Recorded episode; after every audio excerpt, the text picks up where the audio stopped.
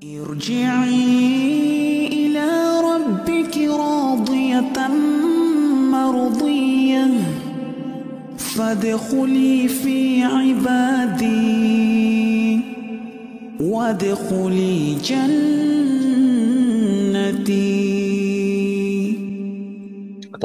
untuk bersikat waktu kami persilahkan Ustadz Zuna, Ustadz Firanda Andirja, Habisahullah Ta'ala untuk memulai kajian. Tafadol. Bismillahirrahmanirrahim. Assalamualaikum warahmatullahi wabarakatuh. Waalaikumsalam warahmatullahi wabarakatuh. Alhamdulillahi ala ihsani wa syukru lahu ala taufiqihi wa amtinani wa asyhadu an la ilaha illallah wahdahu la syarika lahu ta'ziman li sya'ni wa asyhadu anna Muhammadan abduhu wa rasuluhu da'ila ridwani Allahumma salli alaihi wa ala alihi wa ashabihi wa ikhwani. Uh, hadirin dan hadirat yang dirahmati Allah Subhanahu wa taala, pada kesempatan kali ini kita akan bahas untuk topik yang sangat penting bagi kita semua yaitu penyakit qaswatul qalb yaitu kerasnya hati yang setiap kita merasakan dampak dari kerasnya hati tersebut ya.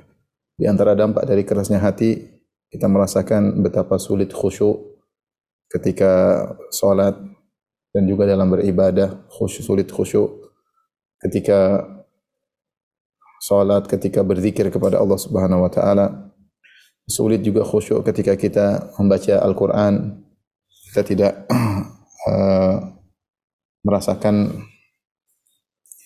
hati yang terenyuh ketika baca Al-Qur'an kemudian juga di antara dampak dari kerasnya hati kita juga tidak wara untuk meninggalkan perkara-perkara yang syubhat. Ada perkara-perkara syubhat kita terjang dan kita lakukan. Bahkan lebih daripada itu karena kerasnya hati kita tidak takut untuk bermaksiat kepada Allah Subhanahu wa taala. Kemudian di antara dampak dari kerasnya hati ya bahwasanya kita terkadang tidak peduli ketika menzalimi orang lain, menggibahnya, menjatuhkan harga dirinya atau memakan harta orang lain ya. Terkadang juga di antara uh, dampak uh, kerasnya hati yaitu sikap kita yang suka berburuk sangka kepada orang terdekat kita, kepada istri kita, kepada suami kita, demikian juga kepada kawan-kawan kita, kepada kerabat kita. Tidak lain itu karena kerasnya hati kita. Demikian juga banyaknya terjadi uh, pemutusan silaturahmi di antara kerabat atau pemutusan hubungan di antara kawan-kawan uh, di antara sesama kaum muslimin ini semua di antara dampak dari kerasnya hati. Dan saya rasa setiap kita tidak ada yang selamat dari hal ini. Pasti di antara kita ada yang mengalami apa yang telah uh, saya sebutkan tadi. Karena itu membahas tentang kerasnya hati dan obatnya ini perkara yang penting bagi kita semua. Rekan-rekan yang dirahmati oleh Allah Subhanahu wa taala, sungguhnya Allah Subhanahu wa taala uh, mencela ya mencela tentang kerasnya hati ya dalam banyak ayat dan juga syariat telah memberikan uh, solusi untuk mengobati penyakit kerasnya hati. Untuk membahas yang pembahasan penting ini maka saya akan sarikan dari sebuah risalah yang ditulis oleh Al-Imam Ibnu Rajab Al-Hambali rahimahullahu taala dengan risalah yang berjudul Zammu Qaswatil Qalbi yaitu celaan terhadap kerasnya hati ya. Risalah yang singkat ya uh, yang termaktub dalam Majmu' Rasail Ibnu Rajab ya. Namun manfaatnya sangat besar bagi kita yang merasakan uh, kerasnya hati. Uh, saya bacakan sebagian dari perkataan beliau ya. Uh, beliau mengatakan risalatun fi dhammi qaswatil qalbi wa dzikri asbabiha wa ma ta'ulu bihi ya. Itu risalah tentang uh, celaan terhadap kerasnya hati dan bagaimana menyebutkan sebab-sebab untuk bisa eh, sebab-sebab uh, menjadikan hati itu keras. Dia sebutkan tentang celaan terhadap hati yang keras, kemudian sebab-sebab hati seorang menjadi keras, kemudian beliau juga sebutkan terakhir tentang obat-obat untuk menghadapi atau memperbaiki hati yang sudah keras. Ini kita perlu mengenal tiga perkara ini tentang celaan terhadap hati yang keras, sebab-sebab hati yang keras. Dengan mengenal sebab-sebab hati yang keras, kita pun bisa menghindari sebab-sebab tersebut. Ini salah satu bentuk preventif agar kita bisa menghindar dari penyakit hati yang keras. Nah, kalau kita sudah memiliki hati yang keras, Kita perlu mengenal juga obat-obatnya. Ini tiga perkara yang disebutkan oleh Imam Ibn Rajab dalam risalahnya tersebut.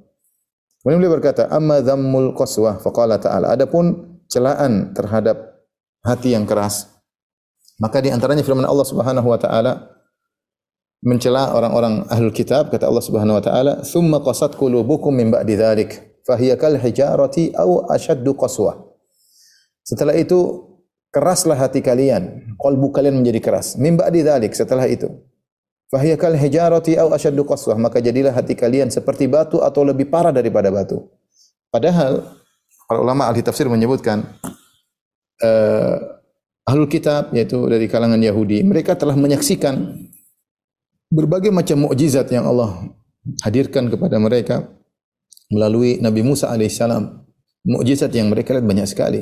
Mukjizat uh, yang dibawa uh, oleh Nabi Musa banyak sekali, banyak sekali kalau kita sebutkan dalam Al-Quran seperti uh, tongkat berubah menjadi ular, kemudian tangan bercahaya, kemudian yang dialami oleh Fir'aun dengan keluarnya darah, ya, kemudian macam-macam ini sudah pernah kita jelaskan dalam kisah Nabi uh, Musa. Sampai mana wasalwa ya, mereka dikirim oleh Allah makanan langsung dari langit ya tanpa perlu dimasak tinggal dimakan. Uh, kemudian di antaranya adalah uh, tenggelamnya Fir'aun di hadapan mereka di Laut Merah. Sampai yang terakhir di antaranya adalah bagaimana seorang terbunuh bisa hidup dengan dipukulkan dengan sebagian sapi yang disembelih dipukulkan ke orang tersebut maka orang tersebut hidup. Untuk ditanya siapa yang membunuhmu maka dia mengatakan si fulan yang telah membunuhku. Intinya terlalu banyak mukjizat yang mereka lihat seharusnya mukjizat-mukjizat tersebut menjadikan hati mereka menjadi lembut menjadi rokik menjadi lembut takut kepada Allah Subhanahu wa taala namun kenyataannya tidak demikian Thumma qasat qulubukum min ba'di dzalik. Kemudian setelah itu, setelah mukjizat yang Allah lihatkan begitu banyak, hati kalian menjadi keras. Fahiya kal hijarati aw ashaddu qaswah. Maka dia seperti batu atau lebih parah daripada batu. Setelah itu Allah menjelaskan bagaimana kondisi hati Bani Israel, Yahudi lebih keras daripada batu, Allah jelaskan. Wa inna minal hijarati lama yatafajjaru minhul anhar. Di antara batu ada yang uh, apa namanya keluar darinya sungai. Ya. Batu keras tapi bisa keluar darinya sungai. Wa inna minha lama yashaqqaqu fa yakhruju minhul ma. Di antaranya ada batu yang pecah, kemudian keluarlah mata air atau air dari batu tersebut.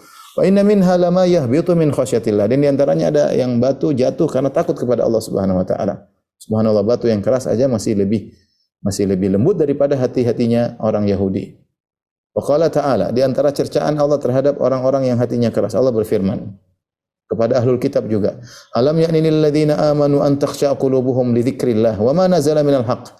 Tidakkah datang kepada orang-orang yang beriman tidaklah tiba saatnya kepada orang yang beriman untuk agar hati mereka menjadi khusyuk mendengarkan zikir kepada Allah atau untuk mengingat Allah Subhanahu wa taala. Sudah saatnya hati mereka lembut untuk berzikir kepada Allah.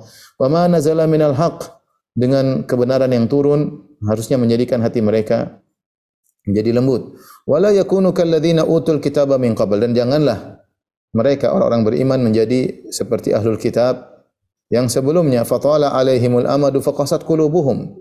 Setelah berlalu waktu yang lama, maka jadilah hati mereka menjadi keras. Ini terlalu lama mereka tidak mengingat Allah.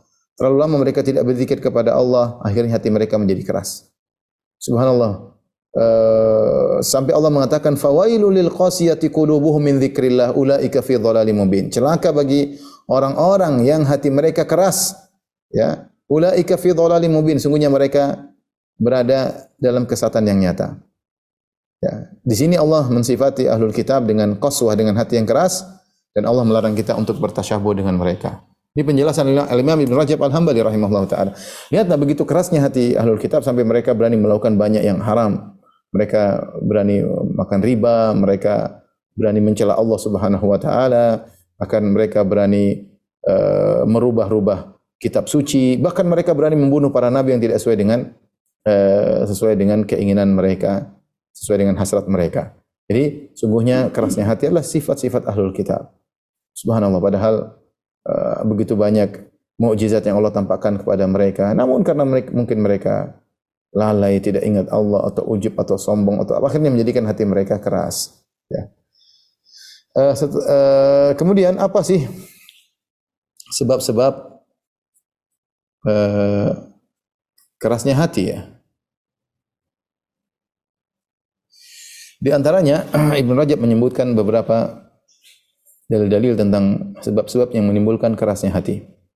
Di antaranya sabda Nabi sallallahu alaihi wasallam diriwayatkan oleh Tirmizi dari hadis Ibnu Umar Rasulullah SAW bersabda la kalam bi ghairi dzikrillah. Janganlah kalian terlalu banyak bicara tanpa me- menyebut nama Allah Subhanahu wa taala. Pembicaraan yang banyak tanpa mengingat akhirat, tanpa zikrullah. Zikrullah eh, apa namanya? Umumnya bisa bisa dengan menyebut Allah, bisa mengingat akhirat, bisa tentang ilmu, tentang fikih. Intinya tentang agama. Jadi jangan terlalu banyak omong kalau tidak disertai dengan mengingat akhirat. Fa inna kathratal kalami bi ghairi dzikrillah qaswatun lil qalbi. Banyaknya bicara tanpa disertai dengan mengingat Allah Subhanahu wa taala akan menjadikan hati ini keras. Wa inna abadan nasi anil qalbi anillah al qalbul qasi dan orang yang paling jauh dari Allah adalah orang yang kalbunya keras, yang hatinya keras. Dan hadis ini eh, eh, diriwayatkan oleh Al-Imam At-Tirmidzi eh, rahimahullahu taala. Kemudian juga dalam Muzat Al-Bazzar ya, dari Anas bin Malik radhiyallahu anhu dari Nabi sallallahu alaihi wasallam beliau berkata arba'atun minasyaqa jumudul ain wa qas- qasawatul qalb wa tulul amal wal hirsu ala dunya. Empat kesengsaraan merupakan empat perkara dari kesengsaraan jumudul ain yaitu mata yang keras susah untuk menangis wa qasawatul qalbi dan kalbu yang keras hati yang keras. Wa tulul amal terlalu banyak eh, harapan-harapan panjang panjang angan-angan. Wal hirsu ala dunia dan terlalu semangat terhadap terhadap dunia. Terlalu semangat terhadap dunia ya. Ini di antara dalil-dalil tentang eh, sebab-sebab kerasnya hati tadi disebutkan di antaranya adalah terlalu banyak bicara ya cara nggak berhenti lupa untuk berzikir kepada Allah Balik kita sebagian kita hobi untuk bicara kalau sudah ketemu orang lain ingin bicara melulu ya. Kalau bicara tersebut diselingi dengan mengingat Allah tentang akhirat, orientasi akhirat, maka semakin melembutkan hati. Tapi ketika pembicaraan tersebut kosong dari mengingat Allah Subhanahu wa taala, hati menjadi keras. Hati menjadi keras. Di antaranya juga sebut dari terlalu banyak angan-angan. Angan terlalu banyak lupa bahwasanya dia akan meninggal, lupa bahwasanya dia akan diminta pertanggungjawaban. Terlalu semangat ngoyo terhadap dunia. Ini juga menjadikan hati menjadi menjadi keras. Malik bin Dinar rahimahullah berkata, perkataan yang sangat eh, keras beliau berkata ma duriba abdun bi uqubatin a'dhamu min qaswatil qalb subhanallah tidak ada seorang hamba diberi hukuman yang lebih berat daripada hukuman hati yang keras orang kalau sudah hati keras kita sebut tadi ciri-cirinya di awal pengajian sulit untuk khusyuk tidak terenyuh ketika baca Al-Qur'an eh, mudah suudzon sama orang lain ya. Eh, merendahkan orang lain kemudian ini ciri-ciri hati yang apa yang keras yang eh, mudah untuk memutuskan silaturahmi. Ini sudah ini musibah paling besar. Karena musibah paling besar bukan musibah terkait dengan dunia. Musibah paling besar adalah terkait dengan agama seseorang. Makanya di antara doa Nabi SAW, "Wala taj'alid dunya wala taj'al musibatana fi dinina." Wala taj'alid dunya akbar hammina. Kata Nabi SAW, "Ya Allah, janganlah kau jadikan musibah kami pada agama kami." Musibah pada dunia menyedihkan memang. Eh, dan banyak orang menyadari itu suatu musibah. Ketika hartanya hilang, anaknya ada yang meninggal, eh, dagangannya jadi lesu. Eh, tapi ketika musibah terkait dengan agama, banyak orang tidak sadar. Padahal itu musibah yang paling besar. Di antaranya musibah terkait agama adalah hati yang keras. Tidak semangat untuk beribadah, tidak semangat untuk malas banget untuk baca Al-Quran. Kalau baca Al-Quran kemudian tidak terenyuh, kalau sholat tidak bisa khusyuk, pikiran ke mana-mana, pikiran dunia melulu. Ini musibah paling besar karena musibah terkait dengan agama. Demikian juga Hudzaifah Al-Mar'ashi berkata, "Ma usiba ahadun bi musibatin a'zamu min qasawati qalbihi." Tidak ada seorang hamba diberi uh, musibah yang paling besar seperti musibah kerasnya hatinya. Ini semua cercaan terhadap kerasnya hati bosnya. Menurut Ibnu Rajab Al-Hambali bahwasanya musibah paling besar menimpa seorang adalah hati yang keras. Setelah itu beliau rahimahullah menyebutkan tentang sebab tentang kerasnya hati. Beliau berkata, "Wa amma asbabul qaswati fa katsiratun." Adapun sebab uh, kerasnya hati maka banyak. Maka banyak. Tadi sudah kita singgung sebagiannya. Minha beliau berkata, "Kathratul kalami bi ghairi dzikrillah." Kama fi hadis Ibnu Umar as-sabiq. Banyak omong tapi tidak mengingat Allah. Makanya kalau kita pun dalam candaan kita sama teman-teman tetap kita mengingat akhirat tetap, ada Mengingat Allah umum ya artinya bisa tentang akhirat, bisa tentang surga dan neraka, bisa tentang berzikir, bisa ucapan astagfirullah. Paling minimal kita baca kafaratul majlis. Paling minimal kita baca kafaratul majlis. Sehingga tidak menjadikan hati kita menjadi keras. Aduh bicara ngeluh dulu ke sana kemari, ternyata tidak ada zikir sama Allah sama sekali ini membuat hati kita keras sedikit demi sedikit tidak kita sadari. Ini pertama. Yang kedua, wa minha naqdul ahdi ma Allah taala. Di antara sebab kerasnya hati adalah membatalkan janji kepada Allah Subhanahu wa taala. Allah berfirman, "Fabima naqdihim mitsaqahum la'annahum maj'alna qulubahum qasiyah." Karena kata Allah tentang ahlul kitab, "Fabima naqdihim mitsaqahum." Disebabkan mereka membatalkan janji mereka kepada Allah. La'annahum, kami pun melaknat mereka. Wa ja'alna qulubahum qasiyah, kami jadikan hati mereka menjadi keras. Jadi hati keras kenapa? Karena membatalkan janji mereka kepada Allah. Oleh karena kalau seorang sudah berjanji ya, kepada Allah, punya tekad, jangan dia batalkan. Dia jaga janjinya. Janji sama orang dia jaga, apalagi janji kepada Allah Subhanahu wa taala. Ya, kata Allah, "Wahfadhu aimanakum." Jagalah janji kalian. Jangan suka berjanji kemudian dibatalkan, eh, dilalaikan, apalagi janji kepada Allah Subhanahu wa taala. Orang punya tekad, Allah Maha tahu. Kerjakan tekad tersebut. Kalau sering membatalkan janji kepada Allah Subhanahu wa taala, ini sebab Allah menjadikan hati seorang menjadi keras. Ya. Qala Ibnu Aqil yauman fi wa'dhihi. Suatu hari Ibnu Aqil menyampaikan dalam wejangannya dia berkata, "Ya man yajidu min qalbihi qaswah." Wahai orang yang mendapati ada rasa kaku dan keras dalam hatinya. Ihdhar an takuna naqatta ahdan. Hati-hati jangan sampai engkau telah membatalkan suatu janjimu kepada Allah Subhanahu wa taala. Fa inna Allah yaqul, sungguhnya Allah Subhanahu wa taala berfirman, "Fa bima naqdihim mitsaqahum." karena mereka membatalkan janji mereka. Ya la'annahum wa ja'alna qulubahum qasiyah. Kami jadikan hati mereka menjadi keras. Hati-hati kita berusaha menjaga janji kita. Janji kepada manusia kita tunaikan apalagi janji kita kepada Allah Subhanahu wa taala. Kecuali kita punya uzur. Kita tidak mampu ternyata uh, kita berjanji begini-begini ternyata kita tidak punya kemampuan. Allah Maha tahu jadi kalau seorang bermudah-mudahan berjanji kepada Allah Subhanahu wa taala kemudian dia tidak tunaikan maka ini akan buat hatinya menjadi keras. Kan dia menggampangkan.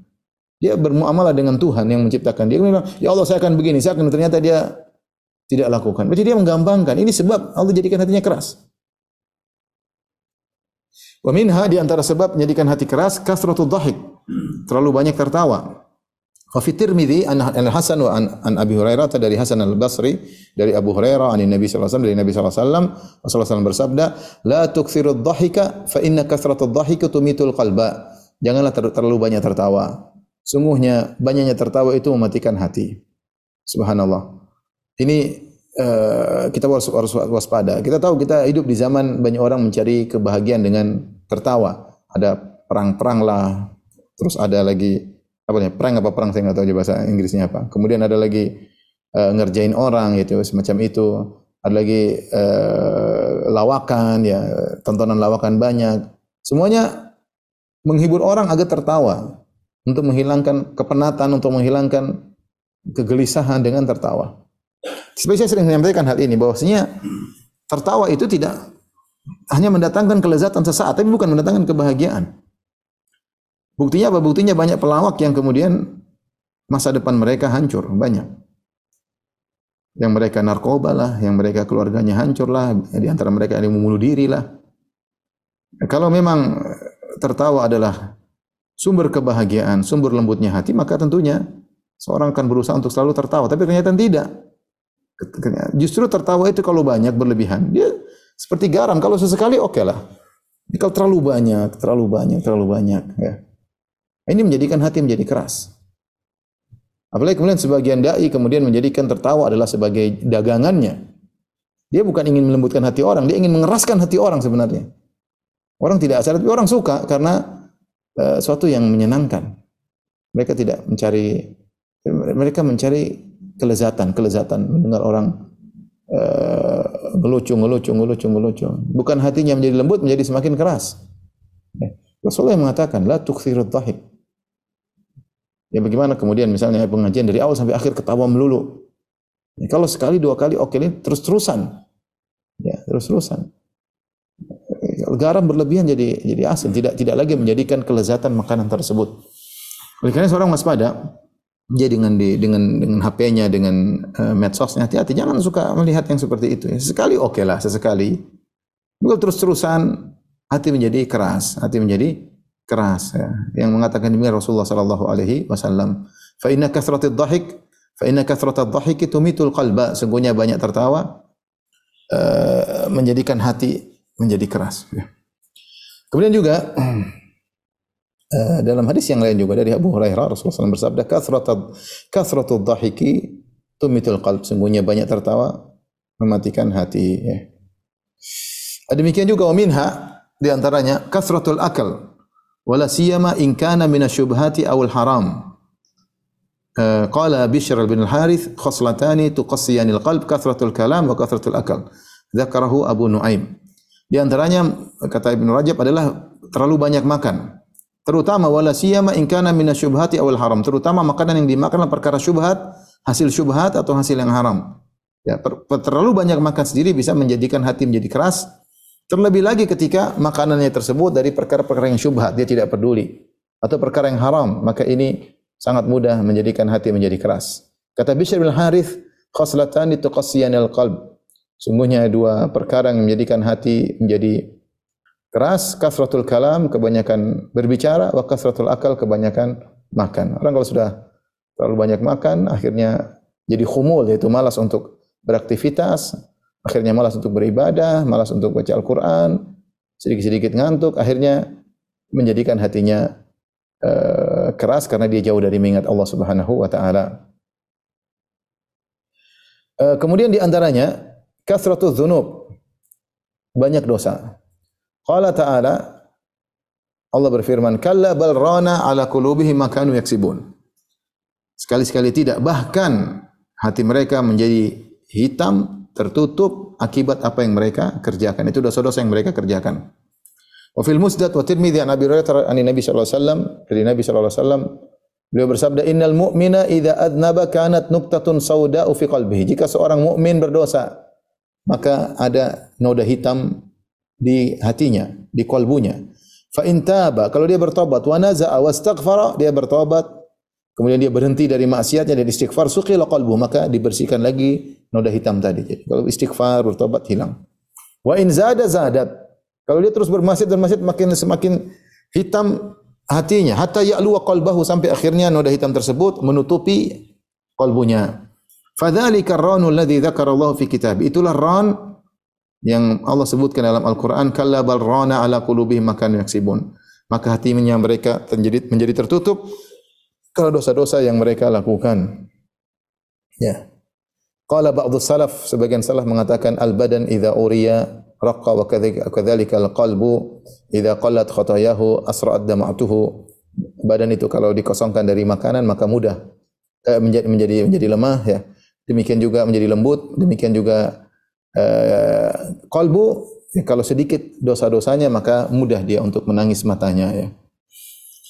Dalam makna ini maka Ibnu Rajab menukil syair yang dilantunkan oleh Ibnu Mubarak rahimahullahu taala beliau berkata raaitu dzunuba tumitul quluba aku melihat bahwasanya dosa-dosa mematikan dosa-dosa telah mematikan hati-hati wa yutbi'uha adzulla idmanuha dan sering berdosa menjadikan hati menjadi hina. Hina di hadapan Allah Subhanahu wa taala. Wa tarku dzunubi hayatul qulubi dan meninggalkan dosa-dosa merupakan kehidupan bagi hati. Wal khairu lin nafsi isyanuha dan yang terbaik bagi jiwa adalah membangkang maksiat tersebut. Artinya jangan nurutin. Hawa nafsu ini ingin ingin membawa kita banyak pada banyak perkara, mencari kelezatan yang diharamkan oleh Allah Subhanahu wa taala. Kita ingin melihat yang haram, kita ingin menonton film-film yang begitu banyak dan mengasyikan, berjam-jam kita bermaksiat kepada Allah Subhanahu wa taala. Kita ingin telinga kita mendengar lantunan-lantunan lagu-lagu yang menyenangkan, kelezatan kita dapatkan. Kita nonton lelucon, entah nonton film-film yang terbuka aurat wanita atau mendengar berita-berita ghibah dan namimah, mendengar lagu-lagu, nyanyian-nyanyian. Kelezatan yang kita dapatkan, ya. Tapi hati menjadi keras. Menjadi keras tadi kita sebutkan dampaknya. Ya malas ibadah, baca Quran tidak semangat, tidak terenyuh, tidak bisa menangis, ya susah. Ya. Maka jangan perbanyak dosa. Wa tarku dzunubi hayatul qulubi. Sungguhnya meninggalkan dosa adalah kehidupan bagi jiwa wal khairu li nafsi isyanuha dan yang terbaik bagi jiwa adalah membangkang maksiat-maksiat tersebut. Ini beliau sebutkan sebab-sebab kerasnya hati sudah kita ingatkan kembali tadi banyak bicara tanpa ingat Allah Subhanahu wa taala, banyak tertawa, kemudian banyak makan terutama makan syubhat dan hasil yang haram ya. Eh, dan yang paling penting lagi yang paling parah adalah banyak maksiat. Banyak maksiat. Taib kita berpindah pada bagian yang terakhir eh, mana celaan terhadap hati yang keras sudah kita jelaskan dijelaskan oleh Ibnu Rajab. Kemudian sebab-sebab hati yang keras juga dijelaskan oleh Ibnu Rajab. Sekarang kita berpindah pada poin yang ketiga tentang muzilatul qaswah. Apa sih hal-hal yang bisa menghilangkan kerasnya hati? Kalau kita bisa preventif dengan meninggalkan hal tadi, ya, sebab-sebab kerasnya hati itu bagus, sehingga kita bisa menjaga hati kita. Kalau kita hati kita lembut, kita yang bahagia, ikhwan dan akhwat. Orang mungkin merasa bahagia dengan ketawa ketiwi menonton film, ya kita punya kebahagiaan tersendiri. Itu kelezatan, tidak kita pungkiri. Orang yang nonton, yang dengar ini, nyanyi-nyanyi, dia ada lezat, tapi belum tentu hatinya bahagia. Kelezatan yang kita dapatkan ketika sholat malam, ketika baca Quran, kita baca dengar pengajian, itu lebih lebih lebih dahsyat daripada kelezatan tersebut dan kelezatan tersebut berpindah pada kebahagiaan yang selalu menyertai hati seseorang, ketenangan jiwa dan yang lainnya. Baik, tapi kalau orang sudah terlanjur hatinya keras, apa yang harus dia lakukan? Maka Ibn Rajab Alhamdulillah rahimahullah menyebutkan hal-hal uh, yang bisa menghilangkan penyakit kerasnya hati. Kata beliau, wa amma muzilatul qaswati fa mutaaddidatun aidan. Dan adapun hal-hal yang bisa menghilangkan kerasnya hati maka juga bervariasi dan banyak ya. Saya akan ringkas ya tentunya kalau saya membacakan semua tentu panjang tapi saya akan ringkas ya. Faminha di antaranya kasratu dzikrillahi alladzi yatawata'u alaihi alqalbu wal lisan. Kata beliau banyak mengingat Allah Subhanahu wa taala tetapi banyak berzikir kepada Allah tapi zikirnya yang bagaimana? Alladzi yatawata'u alaihi alqalbu wal lisan. Yang zikir tersebut sinkron antara lisan dengan hati. Itu yang penting. Bukan sekedar zikir tapi tidak sinkron di hati. Ini ini yang penting kita zikir oke okay, tapi bukan asal sekedar zikir. Ya, astagfirullah, astagfirullah tapi pikiran ke mana-mana. Dapat pahala Ustaz dapat, tetapi tidak sama dengan zikir yang sinkron antara lisan dengan hati dan dampaknya berbeda. Atau seorang zikir hanya sekedar nyanyian, dia fokus pada nyanyian misalnya, eh, bikin dengan nada tertentu, rame-rame, tapi dia sebenarnya tidak fokus dengan kandungan makna yang dia sedang baca, tapi dia sedang fokus dengan nada yang sedang dia lantunkan. Ini bukan itu maksud dari berzikir. Berzikir yang dimaksud adalah bagaimana engkau mensinkronkan antara lisanmu dan hatimu. Ya. Sehingga kalau terjadi zikir yang sinkron antara hati dengan lisan, kita memahami apa yang kita baca, yang kita zikirkan, maka ini sangat mudah menghilangkan kerasnya hati. Qala al-Mu'alla bin Ziyad, inna rajulan qala lil Hasan. Al-Mu'alla bin Ziyad berkata, seorang bertanya berkata kepada Al-Hasan Al-Basri, "Ya Aba Sa'id, kunyahnya Al Hasan Al Basri. Wahai Abu Sa'id, ashku ilaika qaswata qalbi. Aku mengeluhkan kepada engkau tentang kerasnya hatiku. Qala udunuhu adin, atau adnihi min dzikir. Ya, dekatkanlah hatimu dengan zikir. Ya, kita terlalu banyak ingat dunia, dunia isinya dunia melulu hati ini. Kita isi zikir, zikir maka mulailah kekerasan yang ada pada hati kita mulai runtuh ya. Uh, beliau berkata wa qala Wahab bin al-Ward Berkata Wahab bin Al-Ward, "Nadharna fi hadzal hadis, falam najid syai'an araqqa li hadhihi al-qulubi wala ashadda istijlaban lil haqqi min qiraatil Qur'an liman tadabbarahu." Ya di antaranya mengingat Allah dengan baca Al-Qur'an kata Wahab bin Al-Ward, kami mengamati hadal hadis, hadis ini atau pembicaraan ini. Falam najid syai'an dan kami tidak mendapati perkara yang lebih mudah membuat hati menjadi lembut dan lebih mudah mendatangkan kebenaran seperti baca Al-Qur'an tapi liman tadabbarahu bagi orang yang mentadabburi Al-Qur'an. Ternyata uh, di antara hal yang paling mudah menjadikan hati menjadi lembut baca Quran namun dengan tadabbur, bukan baca Quran dengan mencapai target satu juz dua juz tiga hari tidak tidak mesti. Ada orang yang rajin baca Quran tapi hatinya keras. Kenapa dia tidak baca Quran sesuai dengan prosedur Mungkin kalau kita dengar seperti para imam, para salaf dulu baca Quran dengan cepat, ya, seperti Imam Syafi'i disebutkan di bulan Ramadan, dia bisa khatam rahimahullah sekali du, se, se, sehari dua kali. Tapi beda ini Imam Syafi'i rahimahullah yang dia tahu bahasa Arab dan dia tahu tafsir ayat-ayat sehingga kalau dia baca meskipun cepat maka dalam benaknya berbagai macam makna. Dia sudah tahu makna ayat ini dia baca dengan cepat. Nah kalau kita yang tidak tahu bahasa Arab, yang tidak ngerti tafsir, tidak pernah baca buku tafsir, tidak ngerti bahasa Arab secara detail, kita baca pelan-pelan. Dengan kita sehingga hati kita akan menjadi lembut. Bukan target yang penting saya target sekian sekian sejus dua juz tapi tanpa kita tapi kita tadabur. Bukankah tujuan dari Al-Qur'an adalah untuk tadabur? Ya. Dan ini sudah disebutkan oleh uh, Fudail, uh, bin Iyad. Uh, dia mengatakan innama unzilal Qur'anu uh, liyu'mala bih fattakhadha an-nasu qira'atu amala. Sungguhnya Al-Quran itu diturunkan untuk diamalkan. Untuk diamalkan caranya bagaimana? Harus kita paham maknanya. Bagaimana untuk paham maknanya? Dengan mentadaburinya. Fattakhadha an-nasu qira'atu amal. Maka orang menjadikan mencukupkan baca Al-Quran saja dianggap sebagai mengamalkan Al-Quran. Salah. Baca Al-Quran itu hanyalah sarana agar kita bisa beramal dan agar kita bisa beramal bagaimana caranya kita mentadaburi agar iman kita semakin tinggi agar akidah semakin tinggi. Bagaimana kita tadabbur? Kita baca dalam Al-Qur'an tentang iman tentang hari akhirat. Kita dengan tenang jika semakin tinggi iman kita semakin lembut hati kita. Kita baca bahkan kisah-kisah. Nabi Musa, Nabi Yusuf kita baca dengan tenang sambil memikirkan faedah-faedahnya. Itu baru yang menjadikan hati kita menjadi jadi lembut ya. Oleh karenanya uh, ini di antara pernyataan para ulama yang paling mudah untuk menjadikan hati lembut di antaranya baca Al-Qur'an dengan tadabbur. Wa qala Yahya bin Mu'adz wa Ibrahim Al-Khawwas. Berkata, berkata dua orang para uh, ulama salaf yaitu Yahya bin Mu'adz dan Ibrahim Al-Khawwas, dawaul qalbi khamsatu asya. Obat bagi hati yang keras ada lima perkara.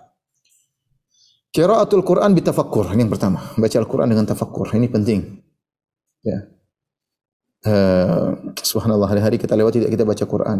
Saya sering sampaikan hal ini. Kita ini dengan dengan banyaknya kejadian, banyaknya medsos.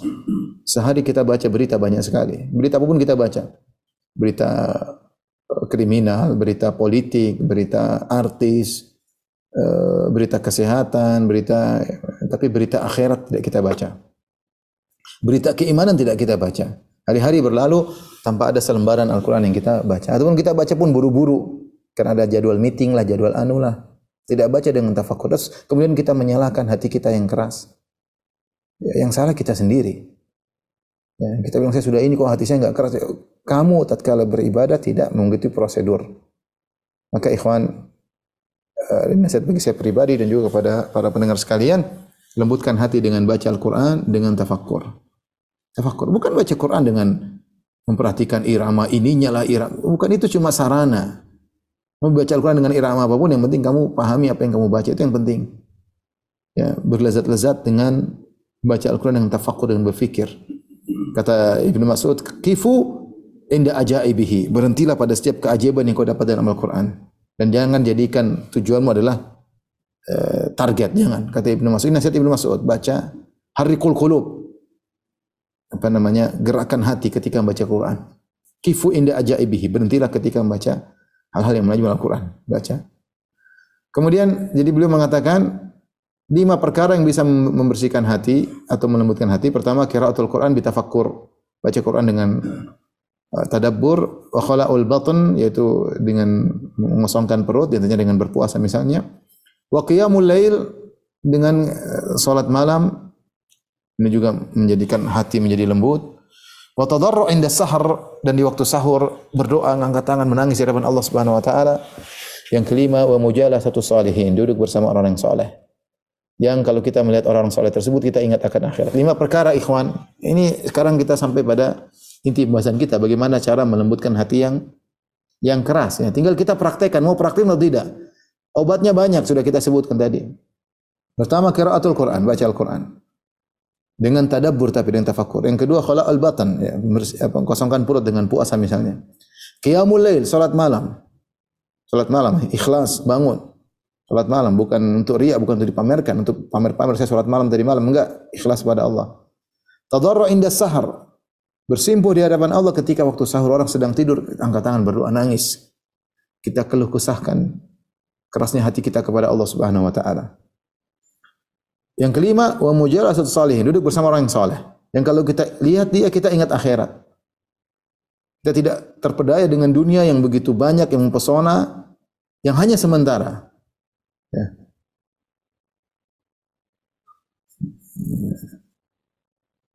Yang kata Allah Subhanahu wa taala ya, bahwasanya wamal haidud dunya illa mata'ul gurur. Tidaklah kesenangan dunia kecuali hanyalah kesenangan yang menipu. Ini eh, tentang hal-hal yang mengobati penyakit hati atau kerasnya hati. Kemudian berkata, wal aslu fi izalati qaswatil qalbi bidzikr qauluhu ta'ala. Adapun dalil bahwasanya berzikir, kemudian beliau berusaha menyampaikan dalil, dalil bahwasanya berzikir bisa menghilangkan kerasnya hati adalah firman Allah Subhanahu wa taala, "Alladzina amanu wa tatma'innu qulubuhum bidzikrillah." Dan orang-orang yang beriman kemudian tenanglah hati mereka dengan mengingat Allah. Ala bidzikrillah tatmainnul qulub. Ketahuilah dengan berzikir kepada Allah maka hati menjadi tenteram. Ini dalil bahwasanya berzikir mengingat Allah melembutkan hati. Ya, dengan berzikir Allah bidzikrillah tatmainnul qulub, ketahuilah dengan berzikir kepada Allah hati menjadi tenang. Wa qauluhu ta'ala Allah juga berfirman, Allahu nazzala ahsanal hadithi kitaban mutasyabiha, mathaniya takashairu minhu juludul ladzina yakhshawna rabbahum, thumma talinu juluduhum wa qulubuhum ila dzikrillah.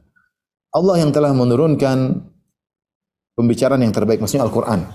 Sebagai kitaban mutasyabihan, sebagai kitab yang mirip, artinya dari ayat-ayat semuanya mirip-mirip ya. Uh, mutunya, kualitasnya, uh, berbicara tentang tauhid. Mathaniya taqsyairu diulang-ulang yang ayat tersebut diulang-ulang. Taqsyairu minhu julul ladzina yakhshawna rabbahum. Barang siapa membaca Al-Qur'an, maka kulitnya akan menjadi gemetar, orang-orang yang takut yang takut kepada Allah kulit mereka menjadi gemetar karena membaca firman Allah. Tsumma talinu julum wal qulubum kemudian hati kulit mereka menjadi lembut dan hati mereka menjadi lembut ila dzikrillah menuju kepada berzikir kepada Allah. Ini dalil sangat tegas bahwasanya orang yang suka baca Al-Qur'an dengan tafakkur hatinya menjadi lembut. Nah, talinu hatinya menjadi lembut. Kemudian juga firman Allah Subhanahu wa taala, "Alam ya'ni alladziina amanu an takhsha qulubuhum li dzikrillah." Tidaklah tiba saatnya bagi orang yang beriman agar hati mereka menjadi khusyuk dengan mengingat Allah Subhanahu wa taala. Maka ikhwan dan akhwat yang rahmati Allah Subhanahu wa taala, seorang berusaha uh, memperhatikan zikir. Jangan meremehkan ibadah zikir. Kita meruntinkan zikir, zikir pagi petang, tapi yang penting adalah kualitas kita ketika kita membaca zikir tersebut. Bukan sekedar kita mengucapkan ya zikir tersebut secara cepat tidak. Kita ingin zikir pagi petang dibaca dengan pelan-pelan. Allahumma anta rabbi la ilaha illa anta khalaqtani wa ana abduka sambil zikir. Serius istighfar kita baca dengan lambat sambil kita renungkan. Kalau antum bisa bahasa Arab antum buka sambil lihat terjemahannya. Insyaallah lama-lama kita hafal Arabnya dan kita hafal terjemahannya. Ini perenungan ini yang membuat hati kita menjadi uh, lembut. Diriwayatkan dari Abdul Aziz bin Abi Rawat secara mursal dari Nabi sallallahu alaihi wasallam Hadis mursal itu. In hadhil quluba la tasda'u kama yasda'ul hadid. Sungguhnya hati ini mengalami uh, karatan sebagaimana besi mengalami karatan. Hati ini biarkan jadi karat. Kotor ya. Qila fama jila'uha ya Rasulullah. Bagaimana cara menghilangkan kotorannya ya Rasulullah? Qala tilawatu kitabillah wa kathratu dzikrihi. Dengan banyak membaca Al-Qur'an dan banyak mengingat Allah Subhanahu wa taala. Jelas. Baik, kita lanjut sebab berikutnya yang bisa menjadikan hati menjadi lembut. Wa minha kata Ibn Rajab Al-Hambali, al-ihsan ilal yatama wal masakin, berbuat baik kepada anak-anak yatim dan orang-orang miskin. Wa rawa Ibnu Abi Dunya qala haddatsana Ali bin Al-Ja'ad qala haddatsani Muhammad bin Salam bin Salamah an Abi Imran Al-Juni an Abi Hurairah. Dari Abu Hurairah Anna rajulan syaka ila Rasulullah sallallahu alaihi wasallam qaswata qalbi. Ada seorang datang menemui Nabi dan mengeluhkan tentang kerasnya hatinya. Apa solusi yang Nabi berikan kepada orang tersebut yang mengeluhkan tentang kerasnya hatinya? Kata Nabi sallallahu alaihi wasallam, "In ahbabta an yalina qalbuk, jika kau suka hatimu menjadi lembut, famsah ra'sal yatim wa atimil miskin." Isnaduhu jayyid. Maka usapkanlah, usaplah kepala anak yatim dan berilah makan kepada fakir miskin. Isnadnya jayyid. Itu hadis hasan menurut Ibnu Rajab Al-Hambali, ya. Ini dua, dua, dua hal yang apa namanya berbuat baik kepada anak yatim dan berbuat baik kepada orang orang miskin, ya. Kepada orang miskin. Dan kita tahu bahwasanya al jaza min amal, balasan sesuai dengan perbuatan. Ketika seorang mengusap tangannya ke anak yatim, ya. Dia membuat anak yatim tersebut bahagia. Dan dia usap dia sambil merenungkan betapa kasihan anak yatim ini. Tidak punya ayah, masih kecil. ya. Kalau saya di posisi dia bagaimana? ya. Kurang diperhatikan. Dia tidak tertawa sebagaimana teman tertawa bisa tertawa dengan orang tua mereka sementara dia tidak. Tidak ada perhatian, tidak ada dia tempat untuk berkeluh kesah ketika orang tuanya tidak ada, masih kecil. Ketika seorang mengusap kepala yatim dengan menghadirkan makna-makna ini, hatinya menjadi lembut. Dan dia menjadikan anak yatim itu bahagia. Karena anak yatim siapa yang mengusap kepalanya? Kalau kalau dia punya ayah, ayahnya akan memeluknya. Kalau dia punya ibu, ibunya akan memeluknya. Dia tidak ada. Paling tidak kita mengusap kepalanya. Buat dia bahagia. Dia merasa sentuhan yang mungkin tidak sudah lama tidak dia rasakan atau tidak pernah dia rasakan lagi. Ya. Tapi paling tidak kita mengurangi eh, atau memberikan sedikit cercahan kebahagiaan dalam hatinya. Nah, kalau kita memberi kebahagiaan kepada dia, kita akan dapat kebahagiaan juga. Hati kita yang tadinya keras bisa jadi lembut. Demikian juga kita beri makan kepada fakir miskin. Ya, akhi, subhanallah, fakir miskin lapar, kelaparan, mereka tidak menemukan makanan. Mereka kelaparan, kemudian kita berikan makanan kepada pada mereka. Ini akan menjadikan seorang eh, lembut hatinya ya.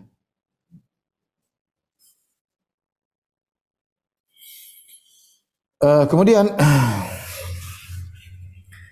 eh, di antaranya eh, yang bisa melembutkan hati kata Ibnu Rajab wa minha kasratu dzikril maut. Di antaranya banyak mengingat kematian. Ini paling cepat melembutkan hati namun kita malas melakukannya.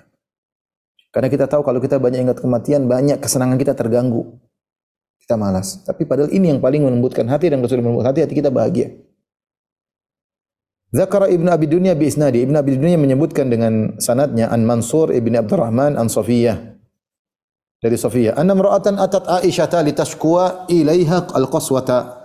Ada seorang wanita datang kepada Aisyah untuk mengeluhkan kepada Aisyah tentang kerasnya hatinya. Wanita ini mengeluh, ya Aisyah hati saya keras. Apa solusinya? Dia merasa, ya seorang menyadari hatinya keras. Yang paling parah kalau dia tidak menyadari hatinya sedang sakit. Kalau kita menyadari hati kita sedang sakit, kita kurang terenyuh baca Quran, tidak semangat beribadah, masih pelit untuk bersedekah, maunya suudzon terus kepada pasangan, misalnya pada orang lain. Hati kita sedang keras berarti.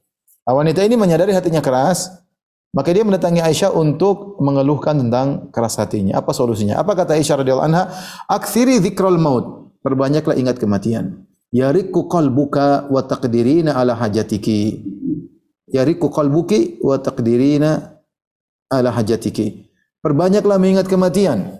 Kalau kau banyak mengingat kematian, yariku qalbuki, maka hatimu qalbumu menjadi lembut dan kau mampu untuk memenuhi hajat keperluanmu. Qalat fa fa'alat kata Sofia, akhirnya wanita wanita ini menjalankan wasiat Aisyah. Dia banyak mengingat kematian. Fa'anasat min qalbiha rusdan. Setelah dia sekian lama banyak mengingat kematian, maka dia mendapat hatinya mulai bersih, mulai dapat petunjuk. Faja'at tashkuru li Aisyah radhiyallahu ta'ala. Maka dia pun datang lagi menemui Aisyah dia mengatakan syukran wahai.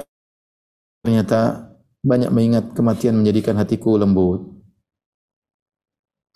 Wa kana ghairu wahidin minas salaf wa minhu Sa'id bin Jubair dan banyak ulama salaf di antaranya Sa'id bin Jubair berkata, di antaranya Sa'id bin Jubair, Rabi' bin Abi Rashid, mereka berkata, "Lau faraqa dzikrul mauti qulubana sa'atan la fasadat qulubuna."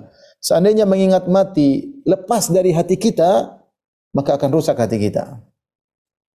Artinya mereka menyadari bahwasanya mengingat kematian adalah sumber utama yang menjadikan seorang hatinya lembut. Tidak terpedaya dengan angan-angan yang tidak ada penghujungnya, tidak terangkap terperangkap dengan uh, ngoyo terhadap dunia, tamat terhadap dunia, tidak terjerat, tidak terjerat dalam jeratan syahwat karena dia tahu sebentar lagi dia meninggal dunia. Namun ini malas kita lakukan masalahnya. Kita punya panjang angan-angan, kita masih pengen ini, pengen anu, kita akhirnya hati kita menjadi keras. Selingilah kalau kita tidak sering melakukan, kita selingi. Ingat kematian agar kalau kita sudah ingat kematian, kita menjadi semangat lagi beribadah. Nanti kita jadinya keras menjadi lembut. Udah keras jadi lembut. Mengingat kematian, oh, hidupnya sebentar. Jadinya terpenuhi dengan karat. Lepaslah karat tersebut sedikit demi sedikit. Dalam hadis Nabi SAW bersabda, Aksiru dzikra hadhimil laddat. Perbanyaklah mengingat hal yang bisa menghancurkan kelezatan. Ya. Nah, dalam hadis yang diriwayatkan secara mursal, Mursal maksudnya tidak langsung sampai kepada Nabi sallallahu alaihi wasallam.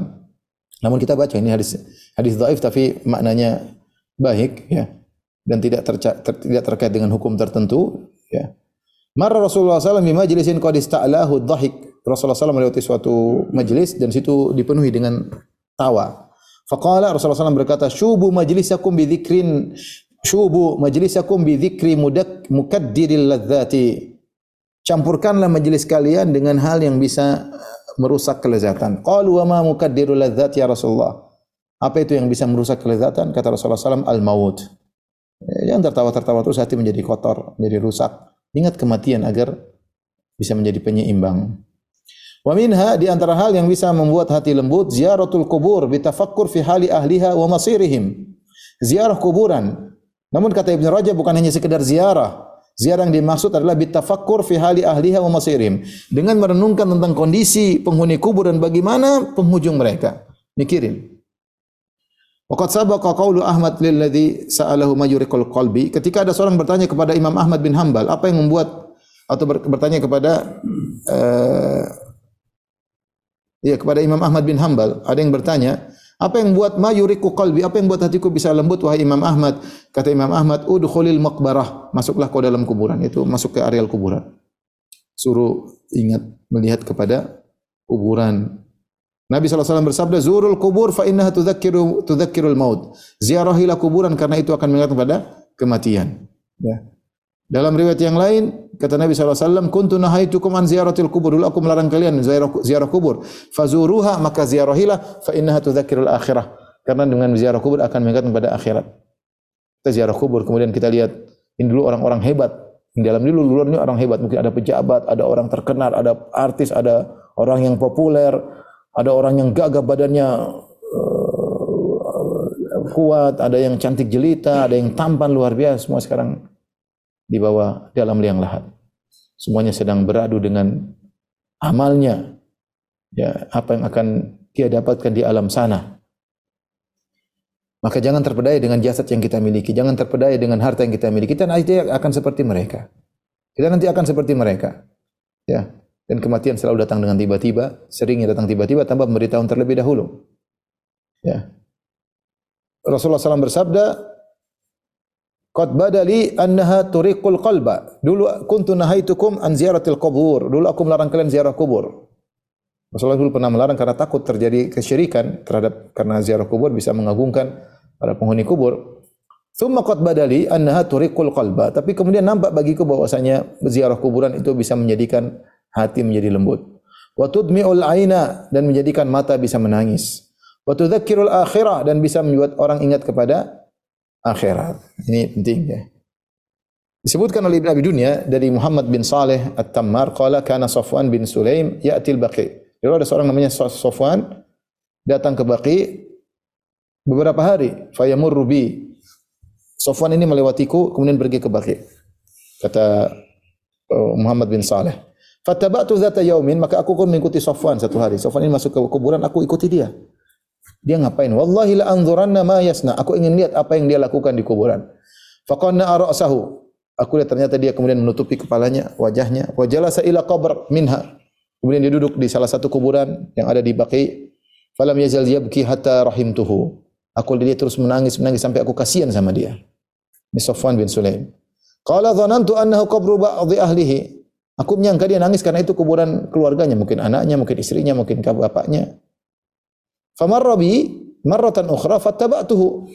Suatu hari lihat lagi lewat depanku, aku ikuti lagi ternyata dia masuk di baki. Ila jambin qabri ghairihi. Kemudian dia pergi ke kuburan yang ternyata pergi kuburan bukan kuburan yang sama, pergi kuburan yang lain. Aku oh, berarti berarti itu bukan kuburan keluarganya. Artinya kalau orang menangis lihat di depan kuburan ibunya ya wajar itu ibunya. Orang nangis di depan, depan kuburan anaknya nangis enggak, ternyata dia di kuburan mana pun dia menangis. Fa'ala misla dzalik, ternyata dia menangis lagi di kuburan tersebut yang bukan kuburan yang kemarin. Fadzakartu dzalika li Muhammad ibn al-Munkadir. Aku ceritakan ini kepada Muhammad ibn al-Munkadir wa qultu inna ma dhanantu annahu qabru ba'dhi ahlihi. Aku tadinya menyangka dia menangis kira itu kuburan sebagian keluarganya. Faqala Muhammad kulluhum ahluhu wa ikhwanu. Semua yang di situ adalah saudaranya. Semua yang dibakai adalah keluarga saudaranya. Inna ma huwa rajulun yuharriku qalbahu bi dzikril amwat. Dia hanyalah ingin menggerakkan hatinya dengan mengingat mayat-mayat yang ada. Kullama aradat lahu qaswah. Ternyata Sofan bin Sulaim itu setiap dia merasakan hatinya keras dia langsung ke kuburan. Dia hatinya malas-malas sedikit ke kuburan agar dia nangis di situ.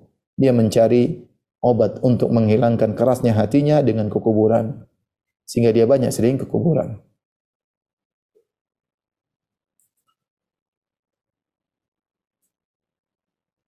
Kemudian juga disebutkan ada seorang wanita tua yang ahli ibadah dari Abdul Qais dari kabilah Abdul Qais. Kanat tukthiru ityan al-kubur. Dia sering pergi ke kuburan, udah tua dan sering ke kuburan. Fa utibat maka dia dicela sering ke kuburan ngapain? Udah tua. Maka dia menjawab innal qalbal qasiya idza jafa lam lam yulayyinhu illa rusumul bila.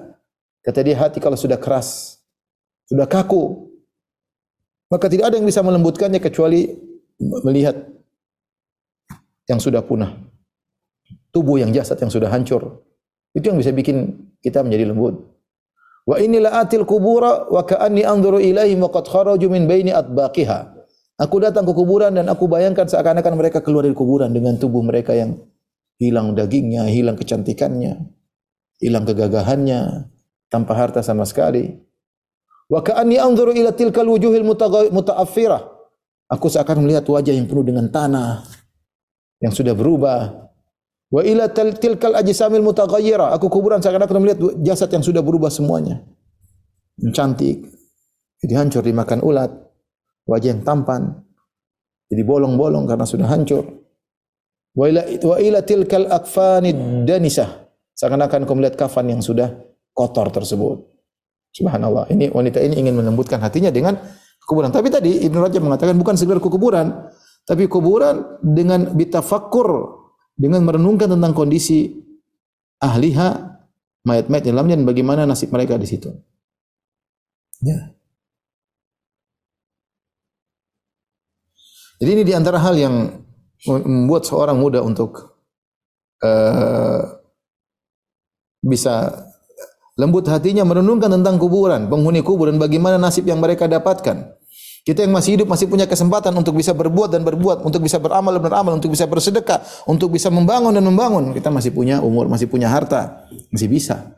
Kalau enggak punya harta masih kita bisa cita-citakan. Tapi mereka yang dalam kuburan udah enggak bisa apa-apa. Apakah hati kita tidak menjadi lembut kalau pergi ke situ?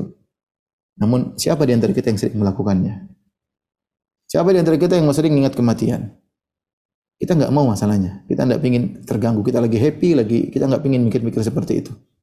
Ya.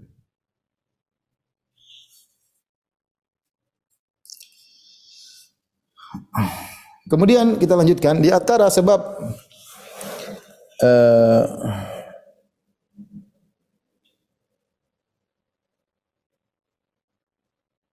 saya sebutkan di antaranya dalam dalam dalam satu riwayat dari Rabi bin Khusaim, Rabi bin Khusaim jika dia mendapati hatinya keras dia pergi ke rumah teman yang sudah meninggal. Dia pergi malam hari. Dia punya teman yang sudah meninggal dunia. Teman mungkin teman jalan, teman ngobrol, dan kita punya teman yang banyak sudah pergi sebelum kita. Rabi bin Khuzaim kalau dia mendapati hatinya keras, dia pergi ke rumah temannya tersebut yang sudah meninggal dunia di malam hari. Kemudian dia teriak, "Ya fulan bin fulan." Dia panggil temannya, "Wahai fulan bin fulan." "Ya fulan." Ibnu fulan dia panggil, "Ya fulan, mana engkau?" Semaya yaqulu laita syi'ri ma fa'alta wa fu'ila bika. Kemudian dia berkata, apa yang terjadi denganmu sekarang? Apa yang kau lakukan sekarang di alam sana? Semaya beki hatta tasila dumu'uhu. Maka dia pun menangis sampai kedua matanya uh, apa namanya mengalir, air matanya mengalir. Ya. Ini di antara cara dia untuk melembutkan hatinya. Dan ini bisa kita renungkan teman-teman kita banyak tadi masih ketawa sama kita. Sebelum corona banyak teman-teman kita yang mungkin semobil dengan kita berjalan rame-rame. Mereka sekarang apa yang terjadi dengan mereka? Mada fu'ila bihi apa yang dilakukan kepada mereka? Wa mada fa'ala apa yang dia lakukan sekarang di alam sana? Kita masih hidup. Masihkah kita terperangkap dengan kerasnya hati? Tidak sadar-sadar. Tapi di antara sebab uh, untuk menjadikan hati menjadi lembut, aklul halal, yaitu makan yang yang halal.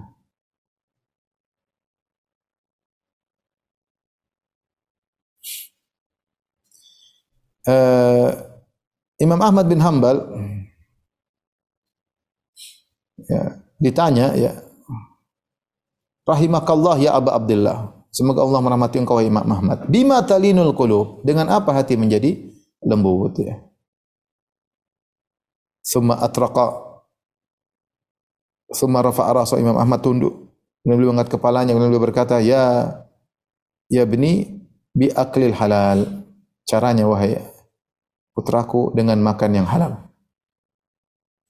Hati-hati seorang ya tidak perhatian terhadap ya hatinya sehingga dia asal makan kemudian di akhirnya uh, makan yang haram kemudian akhirnya hatinya menjadi menjadi keras.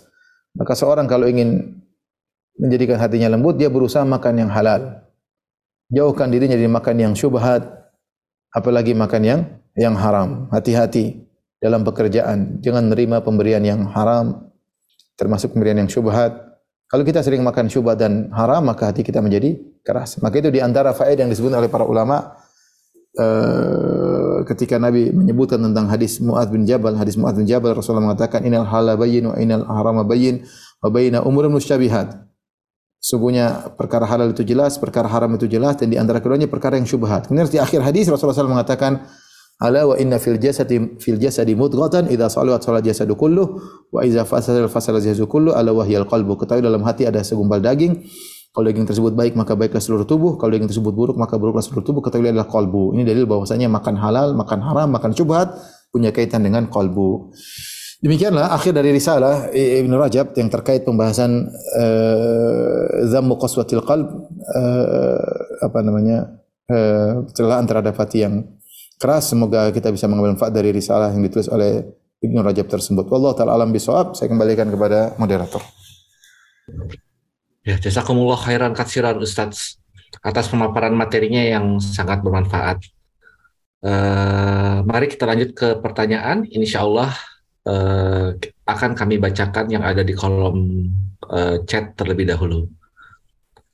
E, pertanyaan saya, bagaimana menghadapi saudara atau teman yang memiliki sifat keras hati yang maunya benar sendiri? Selama ini selalu mengalah, apakah harus tetap mengalah jika menghadapi orang yang begitu atau lebih baik menjauh demi kebaikan? Ya, tepat Ustaz. Allah alam uh, kita melihat kalau sahabat tersebut kita sayang sama dia, jangan kita biarkan. Sehari kita sesekali kita duduk sama dia, empat mata, kemudian kita ngobrol. Tapi kita harus membahas suatu permasalahan yang benar-benar dia salah. Jadi ketika sesuatu kita mulai kumpulkan sambil kita berdoa kepada Allah beri hidayah kepada dia. Tapi kamu salah, ya, kamu salah. Buktinya kamu salah begini. Dia ngel, kamu tetap salah. Tadi ini jelas menyelisihi dalil. Ini kamu salah. Nah, kita sekali perlu perlu kita perlu kasih pelajaran artinya kita tidak mengalah sesekali agar dia bisa berubah. Tapi kalau kita tidak ada manfaatnya, Allah berfirman, "Fadzakir in nafa'ati dzikra." Berilah peringatan kalau bermanfaat. Kalau tidak bermanfaat nggak usah. Kalau kita merasa dekat dengan dia membuat kita semakin keras hati, kita jauhi. Enggak perlu. Tapi kalau kita merasa uh, kita mengalah ada manfaat bagi dirinya dan dari diri kita juga, maka tidak mengapa. Kita bersabar.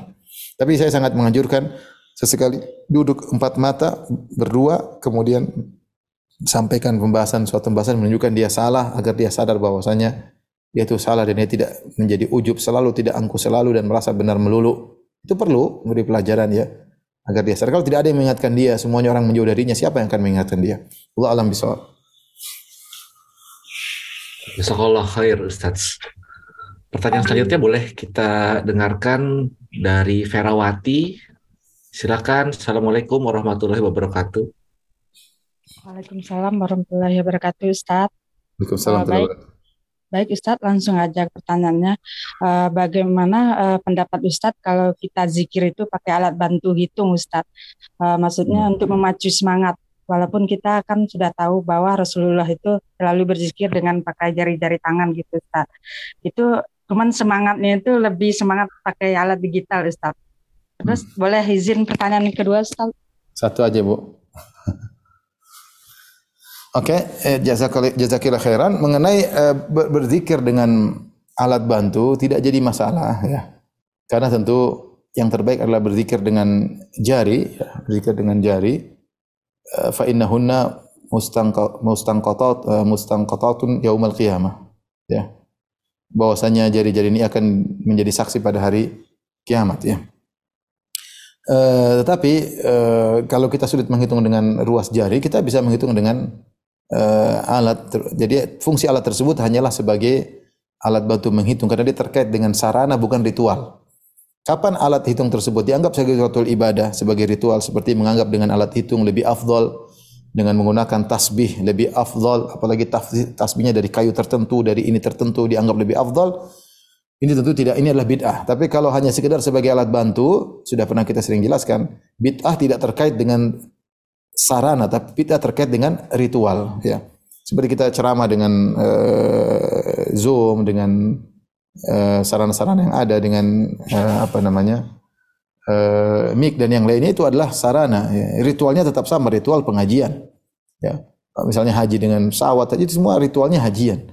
Jadi masalah ketika sarana eh, dianggap sebagai rangkaian dari ritual ini tentu tidak boleh. Seperti menganggap berzikir dengan tasbih lebih afdal. Ya. Tentunya tidak ya. Eh, karena Nabi tidak pernah berzikir dengan tasbih, para sahabat tidak berzikir dengan tasbih, tapi kalau sebagai alat hitung boleh. Jadi jadi masalah. Mungkin seorang merasa kalau dia pakai banyak alat hitung lebih dia lebih bisa karena ada sebagian zikir yang Rasulullah sebutkan bilangan ya seperti habis sholat 33 kali 33 kali kemudian atau eh, berzikir 100 kali la ilaha illallah syarika lahul mulku lahul syai'in qadir. Enggak apa-apa kalau dia ingin membantu dengan menghitung tersebut. Apakah pakai tasbih ataukah pakai alat bantu tidak jadi masalah. Yang penting dia jaga hatinya jangan ria itu aja ya. Jadi tidak mengapa. Allah alam bisawab. Jazakallah khair Ustaz. Eh, selanjutnya ada pertanyaan nih Ustaz. Eh, mungkin karena cukup panjang, saya akan coba sedikit rangkum ya Ustaz. Jadi Ya.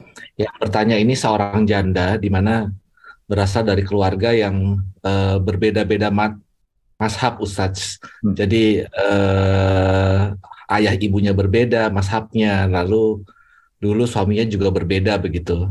Nah saat ini beliau ini baru saja belajar eh, mengenai salafi dan merasa nyaman dengan akidah dan ajarannya. Lalu qadarullah ada yang hendak melamar tak eh, di mana yang melamar tersebut baik eh, tapi tidak bermasab yang sama begitu. Lalu bolehkah saya menolak eh, tawaran eh, lamaran tersebut atau bagaimana sebaiknya Ustadz? Lihat kecenderungan, jika kecenderungan laki tersebut eh, baik, kemudian sepertinya bisa diajak ngaji bareng, ya, dan dia rajin sholat lima waktu, akhlaknya mulia, itu bahan untuk istikharah, bahan untuk istikharah. Dan halnya kalau dia dari awal sudah menentangkan, menunjukkan penentangan, kalau dia punya keyakinan berbeda, kemudian kita nikah, bisa diribut akhirnya diskusi nggak enak. Kita namanya rumah tangga, kita pingin suatu yang ya- yang bisa sinkron saling adaptasi di antara keduanya. Eh, tapi betapa banyak orang yang yang mungkin mudah diajak untuk ngaji mengenal sunnah banyak ya. Jadi saya tidak tahu betul tentang kondisi calon yang melamar, tapi mungkin ibu bisa apa namanya bisa ngira-ngira dengan bertanya-tanya. Eh, bisa misalnya gimana kalau nanti kita ini belajar bareng misalnya. Eh, ibu menunjukkan saya alhamdulillah senang dengan sunnah begini-begininya. Nanti lihat responnya bagaimana, kemudian istikharah kepada Allah Subhanahu wa taala ya. Tapi kalau ternyata tidak nyaman sepertinya dia bersikeras ya, bisa juga menolak nggak ada masalah karena di antara tujuan pernikahan kita mencari itu bisa nyambung dalam ngobrol, bisa nyambung dalam banyak hal. Wallahu alam bisawab. Jazakallah khair Ustadz. Selanjutnya, hmm, Ustadz menurut saya rumah sakit juga bisa sebagai sarana untuk melembutkan hati begitu Ustadz. Adakah ulama yang menyatakan eh, seperti eh, demikian? Tetapi banyak juga perawat atau dokter y- atau petugas rumah sakit yang sulit melembutkan hatinya. Apa apa kiranya kenapa mereka bisa berhati keras begitu Ustadz? Jazakallah khair.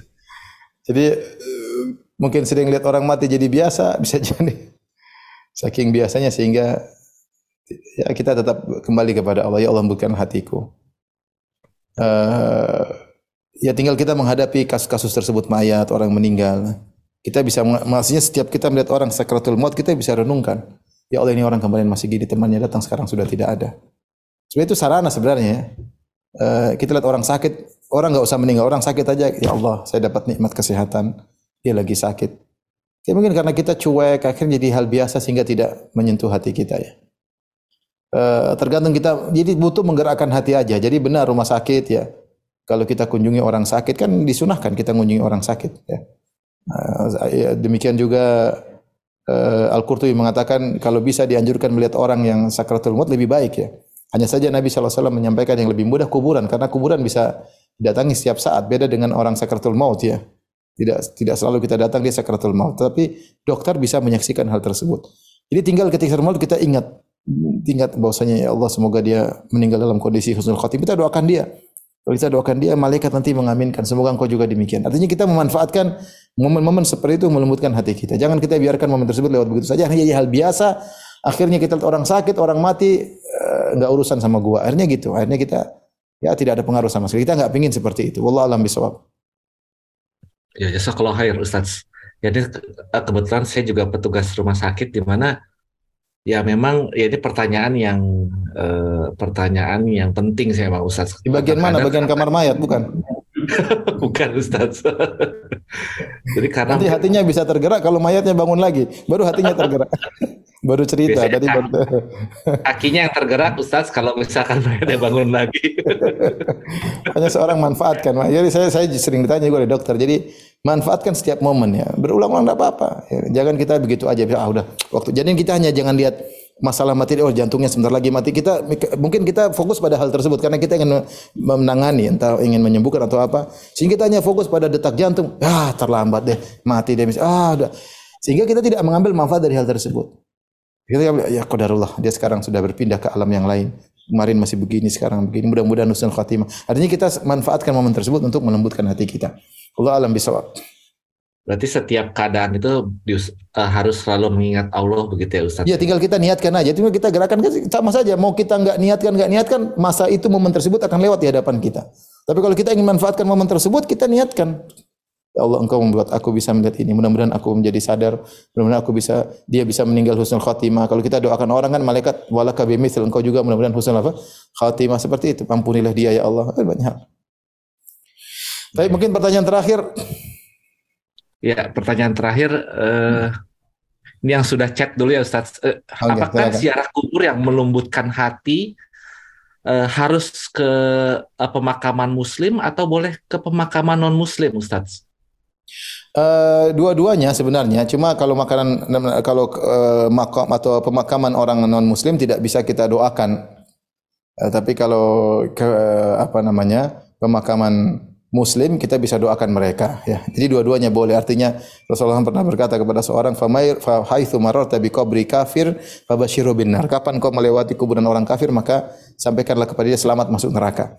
Jadi kita artinya mengingat hari akhirat jangan sampai kita meninggal dalam kondisi kafir seperti ini ya yang yang di dunia penuh dengan kekayaan, penuh dengan kesombongan, keangkuhan, ujung-ujungnya di bawah tanah kemudian diadab dengan adab yang pedih di alam barzah sebelum di neraka. Tapi jadi boleh para ulama fuqaha menyebutkan boleh ziarah kuburan orang kafir dengan niat tadi untuk melembutkan hati. Ya, tapi yang lebih utama adalah ziarah kuburan muslim agar kita bisa mendoakan mereka. Demikian apa yang saya sampaikan, kurang bisa mohon maaf. Hidayah. Assalamualaikum warahmatullahi wabarakatuh.